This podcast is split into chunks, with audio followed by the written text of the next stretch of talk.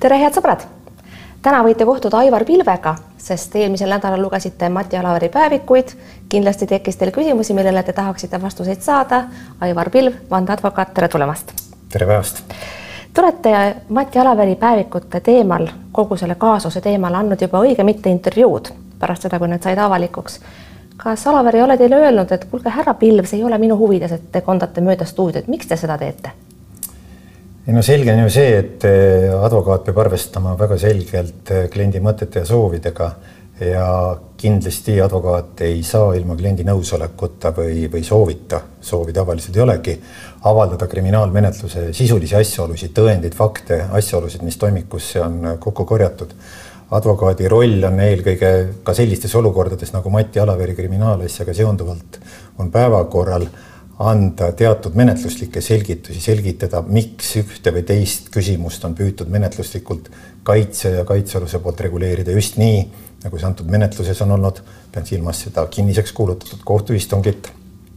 selleni kohe jõuame, aga kas Alaver on juba võtnud teile mõne kõne ja öelnud, et kuulge, miks ometi või kuule, ma ei tea, kas te üldse sinatate või teietate, kuidas sellega lugu on? ei, me võime ikkagi sina rääkida ja me oleme rääkinud temaga eelmise nädala lõpus ja mõtteid vahetanud aga ei, sellist äh, käsku või keeldu ei ole mulle praegult antud, arvestades sellega, et advokaat peab juhinduma kutse-eetikast teatud nõuetest. sisulisi asjaolusid ei ava. aga millest te rääkisite? ajakirjandus on tahtnud äh, temaga väga-väga kõnelda ja ta on otsustanud praegu mitte kommentaare anda, mis on arusaadav eeldatavasti nii juriidiliselt kui ka inimlikult. aga teie olete saanud temaga värskelt kõnelda, millest jutt käis?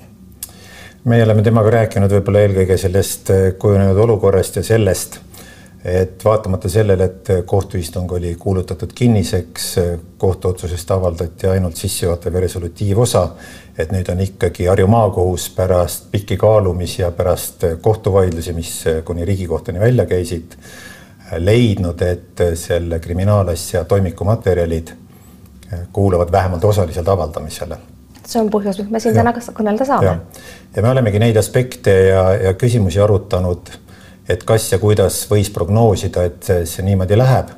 ja selge on ka see, et kui lugeda ka kohtute järeldusi ja seisukohti ja õiguslikku regulatsiooni, siis on selge, et mingisuguse aja jooksul võib sellisele materjalile ehk kohtutoimikule olla juurdepääs piiratud, kuid teatud aja möödudes, nii nagu Riigikohus mainis, võib see olukord muutuda ja avaliku huvi põhjendusel on siis ka vähemalt teatud osas materjali juurdepääsu andmine vajalik. mis tähendab seda, et tegelikult te teadsite ju algusest peale, et see toimik ei pruugi jääda kinniseks, mis tekitab omakorda inimliku küsimuse, et miks teil ikkagi oli tarvis taotleda, et, et me ei näeks seda toimikut ja et kohtuistung oleks kinnine. see kõlab umbes nagu lõputu õudus, aga vahel on õudne lõpp kohe selgitan. kuidagi parem. Äh, täitsa konkreetsed õiguslikud alused olid olemas. kõigepealt meil oli kaks põhilist argumenti, delikaatsed isikuandmed, mis puudutasid mitte ainult äh, kaitsealust, vaid ka menetlusväliseid isikuid ehk neid isikuid, kes ei ole asjas ei süüdistatav, ei kaht-, ei äh, kannatanu, ei tsiviilkostja või kolmas isik. saanuks kinni katta jah, saanuks kinni katta, aga, aga ma lõpetan selle, selle mõtte ära, et kõigepealt delikaatsed isikuandmed ja teine väga oluline põhjus, millele me läbivalt selles menetluses oleme toetunud ja mis minu arvates on jätkuvalt aktuaalne, see on teistes riikides toimuvad kriminaalmenetlused, pean silmas Austriat ja Saksamaad ja sellel ajamomendil, kui Eestis kõnesolev toimik saadeti kohtusse, ei olnud Austrias toimunud veel sellist hulka kriminaalmenetlusi selle doktor Schmidti dopinguafääriga seonduvalt, nagu on juba käesolevaks ajaks toimunud. Ja mida on ju veel terve rida ees, nende tõendite avaldamine siin Eesti meedia kaudu, enne kui need hakatakse uurima Austria kohtumenetlustes, on täiesti lubamatu ja täiesti vastuolus õigusemõistmise üldpõhimõtetega. andke andeks, mina kammisin uudiseid ette valmistades meie tänast kohtumist ja ma leidsin märke uudisvoost, et Austria poolel ei oleks olnud mitte mingisuguseid pretensioone selle toimiku suhtes, millest te räägite, vabandage väga. ja selgitan prokuratuur on võistleva menetluse üks pool, kes korjab, kogub tõendeid, vastutab kohtueelse menetluse seaduslikkuse eest, esitab need kohtule. Kohtus peab kohus veendama kõigepealt, et eelnev menetlus on olnud õigusnormidega kooskõlas, järgitud on kõiki kriminaalmenetluse põhimõtteid, kohus otsustab, kas kogutud tõendid või üks või mingi kogum nendest on seadus ette nähtud korda järgides kogutud ja kas neid saab kriminaalmenetluses käsitleda tõenditena. seetõttu prokuratuuri kui ühe menetluspoole arvamus ei tähenda veel seda, et kindlasti peab nendele tõenditele enne kohtumenetlust juurdepääsu andma. seetõttu ma ütlen, minu jaoks on Austria prokuratuuri käsitlus üllatav ja natuke arusaamatu.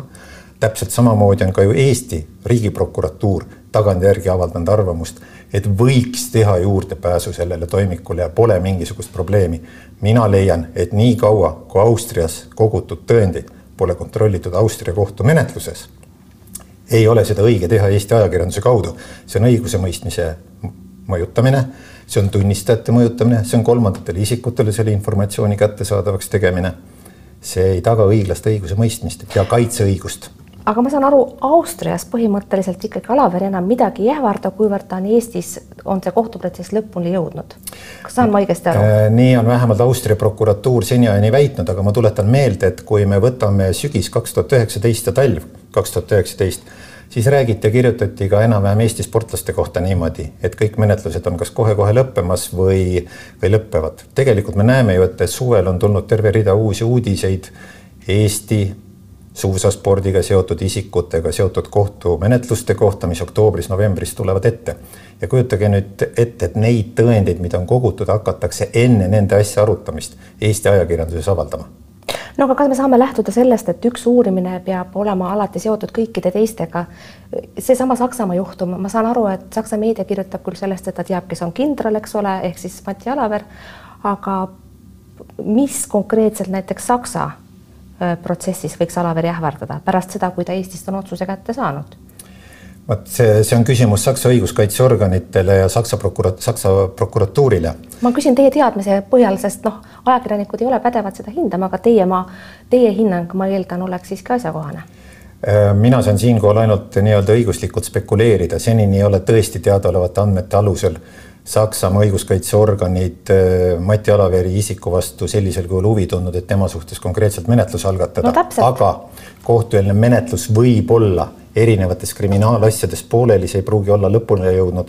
me ei peagi nendest olema teadlikud ja informeeritud, sest kriminaalmenetlust hoitakse võimalikult kaua alati salastatuna, nii kaua kui ei ole vaja kellegi suhtes läbi viia konkreetseid menetlustoiminguid seetõttu me ei tea seda, ma tuletan ka meelde, et Eesti ajakirjanduses ja ka erinevate isikute poolt on viimastel nädalatel rõhutatud, et kogu aeg oodatakse ja loodetakse, et Saksamaa ikka võiks Mati Alaveri ja Eesti suusatajate tausta uurida ja menetlusi algatada ja neid ka vastutusele võtta.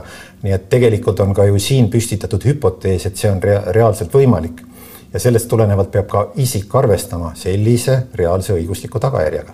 hästi, aga mulle ikkagi tundub, et teie olete see põhiline salastaja kogu selles küsimuses. Teie olete tahtnud, et see protsess oleks kinnile. Teie olete -hmm. tahtnud, et me ei saaks toimikut lugeda, vähe sellest, te tegite kogu et, koguni ettepaneku jätta kohtuotsuse avalikustamisel ära kuriteokirjeldus, andke andeks, mulle tundub see absoluutse absurdina. ja kõik need sammud, teie ettepanek loomulikult oli ka kokkulepe mis äh, on avalikkuses tekitanud küsimusi. kokkuleppe üks mõte omakorda see, et võimalikult vähe tähelepanu saaks avalikult. Te jätate esisalastaja mulje, palun lükake see ümber, miks te olete seda teinud? veel no, enne, kui me jõuame Tallinna Sadamani. no ütleme nii, et äh, jutumärkides suur tunnustus, aitäh selle suure tunnustuse eest, aga ütleme nii, advokaat teeb lihtsalt oma kaitsetööd kriminaalmenetluses peab kasutama kõiki seaduses ette nähtud viise vahendeid. salastamiseks? ei, isikukaitseõiguse tagamiseks ja kriminaalmenetluse seadustik näeb ette, et on võimalik menetlusosaliselt taotleda istungi kinniseks kuulutamist, kohtupidamise kinniseks kuulutamist. Neid võimalusi me oleme taotlenud me oleme kohtule oma põhjendused esitanud kirjalikult motiveeritud taotlustes. nüüd on kohus see institutsioon, kes hindab, kas see taotlus on põhjendatud või mitte. kohus leidis, et selles olukorras, nende asjaolude alusel, mis me oma argumenteeritud taotluses välja tõime, on see põhjendatud ja kohus leidis isegi peale kohtumenetluse lõppu ja kohtuotsuse jõustumist, et see vajadus ja alus pole veel ära langenud ja ma eeldan, et see põhjendus ongi seesama, millele, millest on nii palju räägitud. eelkõige need delikaatsed isikuandmed ja siis ka Saksa ja Austriaga seotud äh, menetlused. aga teate, nüüd on kõik need, neid Alaveri päevikuid juba lugenud, kõiki neid kohti, mida on juba sadu kordi tsiteeritud. et suuremad valed tuleb üle vaadata ja võib-olla saab Läti kaudu minema minna ja kõik need muud väga reljeefsed väljendid, mis on äh, tugevaid emotsioone põhjustanud. sellepärast küsin mina teilt, kas see lõputu salastamine see ei ole juriidiline termin, aga ajakirjanikud näevad nii, ka see lõputu salastamine lõppude lõpuks on ikkagi olnud, olnud teie kliendi ehk Mati Alaveri huvides. mulle tundub, et mõnes mõttes töötab see tema vastu, sest äh, kui ta tuleks siia saatesse ja räägiks, kuidas see lugu oli ja miks see kõik nii läks ja võib-olla paluks vabandust või ütleks midagi muud inimlikku, mis meil aitaks mõista, miks ta seda tegi ja neid põhjendusi kindlasti leidub, siis ei oldaks tema vastu ka nii verised, nagu palju, paljud praegu on. ehk teisisõnu, kogu see salastamine on avalikkus ajanud vihaseks ja tekitanud Alaveri suhtes negatiivseid, palju negatiivsemaid tundeid kui need, mida ei oleks olnud, kui te poleks lõpmatult salastanud. no ütleme niimoodi, et see väide, see salastamise eesmärk, et et see salastamine olnud, ei ole olnud eesmärk omaette, vaid ma veel kord rõhutan, et lähtutud on eelkõige menetluslikest põhimõtetest ja kaitseõiguse teostamise viisidest ja vahenditest, mis on võimalikud. ja aga küsimus on, kas see on olnud tema huvides? ma väidan, et ei ole. Te olete ajanud avalikkuse Alaveri peale palju kurjemaks, kui ta oleks olnud siis, kui ta, kui ta oleks näiteks tulnud mõnesse stuudiosse rääkinud inimlikult, kuidas asjad olid. no ma võin kohe öelda, et põhimõtteliselt advokaat annab nõuandeid, soovitusi, selgitab kohtupraktikat, seadusandlust, selgitab kõiki võimalusi, millega tuleb arvestada. lõppkokkuvõttes kõik valikud teeb isik ise, sõltumata sellest, milliseid soovitusi advokaat talle annab. see ei kehti mitte ainult selle kriminaalmenetluse kohta, vaid ka kõigi teiste asjade kohta, milles advokaadid õigusabi osutavad. ja ma tean, te olete avalikult öelnud Alaverile, et ole mees ja mine ja räägi ta pole seda teinud, õige? no minu mõte oli tegelikult äh, siin selles duubli saates kantud selles, et ma usun, et kõigil oleks lihtsam ja kergem, ka Mati Alaveril. ma arvan, et äh, ma mõistan avalikku huvi, ma mõistan seda pahameelt, aga ma arvan, et ka selles situatsioonis, kuivõrd keegi suudab ja kuivõrd keegi tahab panna ennast Mati Alaveri situatsiooni, igal isikul, kellele ette heidetakse mingi süüteo toimepanemist on õigus enese mittesüüstamise printsiibi rakendamisele. ehk olukorras, kus puudub selgus ja kindlus, kas tema suhtes võidakse veel mingisuguseid menetlusi läbi viia kuskil väljaspool Eestit, hakata andma ajakirjanduse vahendusel põhjalikumaid selgitusi, ütlusi, oleks tegelikult enesesüüstamise privileegi eiramine või rikkumine. selline isiku õigus on igal juhul ka Mati Alaveril olemas, nii nagu igal teisel isikul, kes süüteomenetlusega kokku puutub. ja seetõttu võib öelda, et äh, seda olukorda tuleb vaadata eelkõige mitmest aspektist, kaaludes nii isiku kaitseõiguse ja süütuse presumptsiooniga seotud põhimõtteid kui ka seda avalikku meedia huvi. muide, et me ei läheks, laseks seda kohta mööda, seesama süüstamise aspekt, te olete korduvalt rõhutanud, et kokkuleppemenetlus, millega lõppes see süüasi ei tähenda, et Mati Alaver oleks ennast süüdi tunnistanud. see on midagi, mida avalikkusel on erakordselt keeruline mõista, sest kui inimene ei ole süüdi, mille pagana pärast peaks ta sellele menetluse kokkuleppele siis üleüldse alla kirjutama? jah, aga jälle ütlen, advokaat on lähtunud selgitustest, mis tulenevad seadusest ja mis on tegelikult siis ütleme, et õigussüsteemis teadaolevad. kokkuleppemenetluse regulatsioon Eesti kriminaalmenetluse seadustikus just selline on et see ei eelda seda, et isik ennast talle esitatud süüdistuses süüdi tunnistab ja et kokkuleppes oleks kindlasti fikseeritud see, et isik on süü omaks võtnud ja kahetseb puhtsüdamlikult toime pandud. kokkulepe tähendab seda, et põhimõtteliselt isik peaks ju nagu nõustuma talle ette heidetud süüdistusega, vastasel juhul ta selle kokkuleppega ei nõustu no,. kuid see kokkuleppemenetlus eeldab lihtsustatud menetlusvormi, mis tähendab seda, et kohtumenetluses tõendeid ei uurita, tunnistajaid kohtuistungile välja ei kutsuta. kohus peab kontrollima ainult seda, kas kokkulepe on sõlm, sõlmitud isikul vabal tahtel, kas ta on aru saanud selle tagajärgedest ja kas kuriteo kvalifikatsioon ja etteheidetavad asjaolud on omavahel kokku langevad ehk kvalifitseeritud õigesti. aga te mõistate, et tavainimesel pea plahvatab sellise jutu peale? ma mõistan, et tavainimesel võib plahvatada, aga selleks ongi õigussüsteem, selleks ongi õigusspetsialistid, prokurörid, advokaadid, kes peavad neid asjaolusid selgitama, vaidlema selleks on ka kohtumenetlus. nii et äh, ega õigus ongi keeruline ja seda on ka lihtsates asjades, vahel ka väga lihtsates asjades kõrvalseisjal keeruline mõista. millal ma saaksin siinsamas stuudios juttu ajada Mati Alaveriga, te olete talle nõuandnud tulla, millal ta võiks tulla siia stuudiosse? ta on no. lahkesti palutud ja oodatud. no mina ei ole kindlasti see inimene, kes äh, Mati Alaverile selliseid nõuandeid või soovitusi igapäevaselt või, või järjepidevalt annab. ma arvan, et äh, Mati Alaveril on erinevaid inimesi, sõpru, tuttavaid, kes võib-olla temaga täpselt samadel teemadel räägivad. ma veel kord rõhutan, et mina saan advokaadina avaldada oma mõtteid ja seisukohti, aga ma kindlasti ei äh, saa hakata kaitsealusele peale käima nendes äh, ettepanekutes või mõtetes, mida võib-olla avalikkus ootab. see on eelkõige tema tema otsustus, kuidas selles situatsioonis käituda ja ma ütlen veel ühe märkuse, ma olen vaadanud seda, mis siin meedias toimub, mitte ainult selles asjas, vaid ka eelnevates suurtes kriminaalmenetlustes. palju on üldse neid isikuid, kes on avalikku tähelepanu olnud sellistes kõneainet pakkunud suurtes kohtuasjades. palju on nendest neid inimesi, kes on tulnud ja tahtnud ajakirjandusega jagada süüdistuse aluseks olevaid asjaolusid ja, ja, ja selgitada ja põhjendada oma käitumist. ja kui nüüd võtta konkreetselt Mati Alaver, siis jah, ühelt poolt mõistan avalikku huvi, ootust, rahva ootust, teiselt poolt, kas Mati Alaver annab neid ütlusi ja selgitusi või ei anna praegusel ajal, jätame kõik need enese mittesüüstamise põhimõtted ja privileegid kõrvale, siis kui palju see tegelikult tema enda jaoks seda olukorda muudaks? Ma arvan, et ta oleks ühtemoodi kriitikatulva all, ma arvan, et üks etteheide järgneks teisele, sõltumata sellest, kui palju, millises mahus ta neid selgitusi, ütlusi annab, sest nende pealt tõusetub kogu aeg uusi täiendavaid küsimusi ja nii võibki tegelikult jääda lõputult vaidlema selle üle, et palju peab selgitama, palju ei pea selgitama. selle teema lõpetuseks tahaksin kõnelda ka veel muudest asjadest. kui palju esineb teie töös hingehoidlikku aspekti, miks ma seda küsin, on see, et sellise tohutu surve all nagu Alaver praegu on ja on olnud tegelikult juba pikka aega, võib inimese mentaalne seisund muutuda hapraks. kuivõrd peate teie oma ülesandeks hoolitseda selle eest, et teie kliendid, kes enamasti on sattunud mingisse suurde pahandusse, oleksid vaimselt tasakaalus ja emotsionaalselt jätkusuutlikud? no ma arvan, et siin eelkõige on võimalik kasutada erinevate selle valdkonna spetsialistid, spetsialistide abi, aga ma võin öelda, et läbi pikaajalise praktika isiklike tööalaste kogemuste selliste suurte mahukate asjadega, mis vältavad aastaid ja on kõrgendatud tähelepanu all, peab paratamatult advokaat arvestama sellega, et sa oled ka mingil määral ärakuulaja rollis, sa oled mingil määral ka psühholoogi rollis, sa oled mingil määral ka see isik, kes aitab olla isikul nii-öelda ärakuulatav ehk oma hinge pealt oma asjade ärarääkija.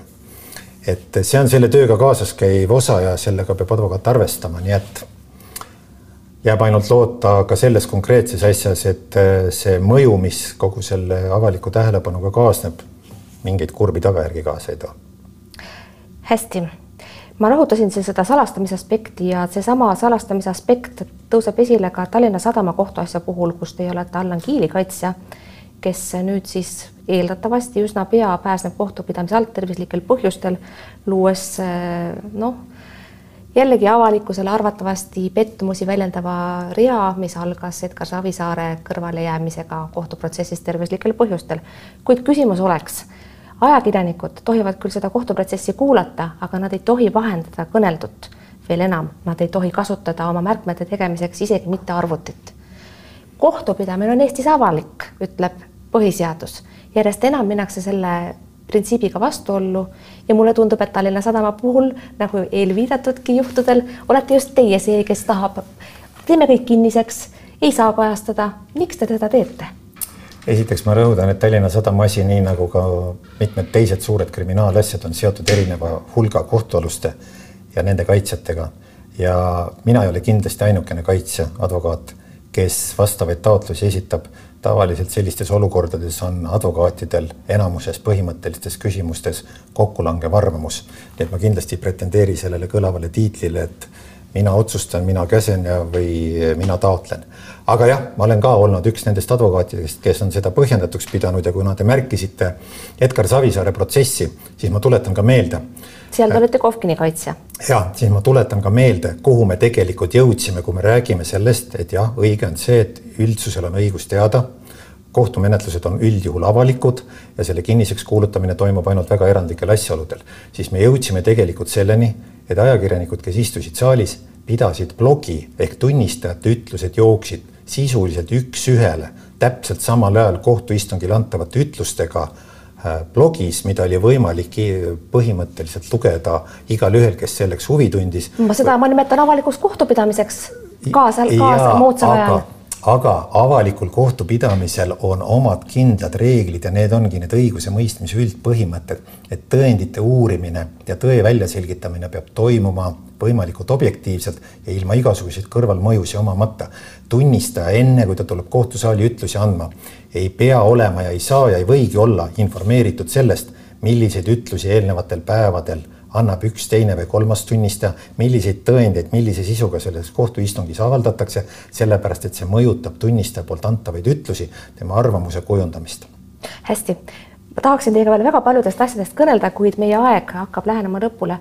paar sõna siiski Andrus Veerpalu kohta, kes äh, hiljaaegu vaidles jälle spordiarbitraažis ja ei saanud äh, seekord isegi mitte jutu peale kuid äh, teie olete aidanud teda siis äh, kaheteist, kahe tuhande kolmeteistkümnendal aastal koos Eesti teadlastega, kui tema kullad nii-öelda pesti esimest korda puhtaks. pärast seda, mis juhtus Seefeldis, on väga raske inimestel uskuda, et need kullad päriselt ka puhtad on. mida on teil öelda neile inimestele, kes enam Andrus Veerpalu ei usu?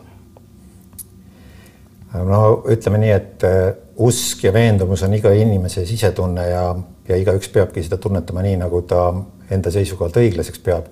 Aga ma tõmbaksin siinkohal siiski olulise joone ja põhimõttelise joone tuginevalt äh, oma elukutsele ja põhimõtetele isiku süütuse presumptsioonist ja kaitseõigusest. kaks tuhat üksteist kassis alanud lugu sai kahe tuhande kolmeteistkümnendal aastal selge õigusliku lahenduse. on olemas lahend, mis ütleb, et äh, Andrus Vaierpalule etteheidetavad teod pole tõendamist ja tuvastamist leidnud, ehk seda dopinguainete tarvitamist sellisel kujul pole tuvastatud. aga ise te viitasite, et tuleks vaadata asju seoses kaks tuhat üheksateist Seefeldis alanud skandaal, mis viitas võimalusele, et Andrus Veelparu poeg oma isa teadmisel kasutas dopingut. ausalt öeldes muudab selle võidu küsitavaks ma, ma ei ole sellist viidet teinud, ma ei, ma ei saa aru praegu, mil, millest te räägite. aga, aga, aga ma ütlen seda, et kui me räägime sellest Andrus Veelparu juhtumist, siis see on lõpetatud ja sinna võib ümberringi igasuguseid spekulatsioone üles ehitada. nii nagu tihtilugu on väga tuntud äh, maailmas, ma mõtlen ka tuntud erinevate riikide sportlaste suhtes ehitatud. Need sündmused, mis on konkreetse süüdistuse aluseks ja mis puudutavad Eestit, Saksamaad, Austriat, need ju jäävad oluliselt hilisemasse ajaperioodi aastasse kaks tuhat kuusteist hästi mul on kahju, et me ei jõua seda sügavamalt minna, sest mul oleks küsimusi veel palju. ma tahaksin lõpetada saate äh, paari üldise märkusega. mul on tunne, et kohtusüsteemis alati ei, ei sünni tõde ja õigus ja ei sünni isegi mitte õiglus. Teie kaitsete seda, kes on äh, sattunud seadusega pahuksisse. tahes või tahtmata on teil peale professionaalse tööeetika ka üks inimlik kompass mis ütleb, mis on õige, mis on vale. kui tihti te peate oma töös, oma professionaalses tegevuses minema vastuollu oma südametunnistusega?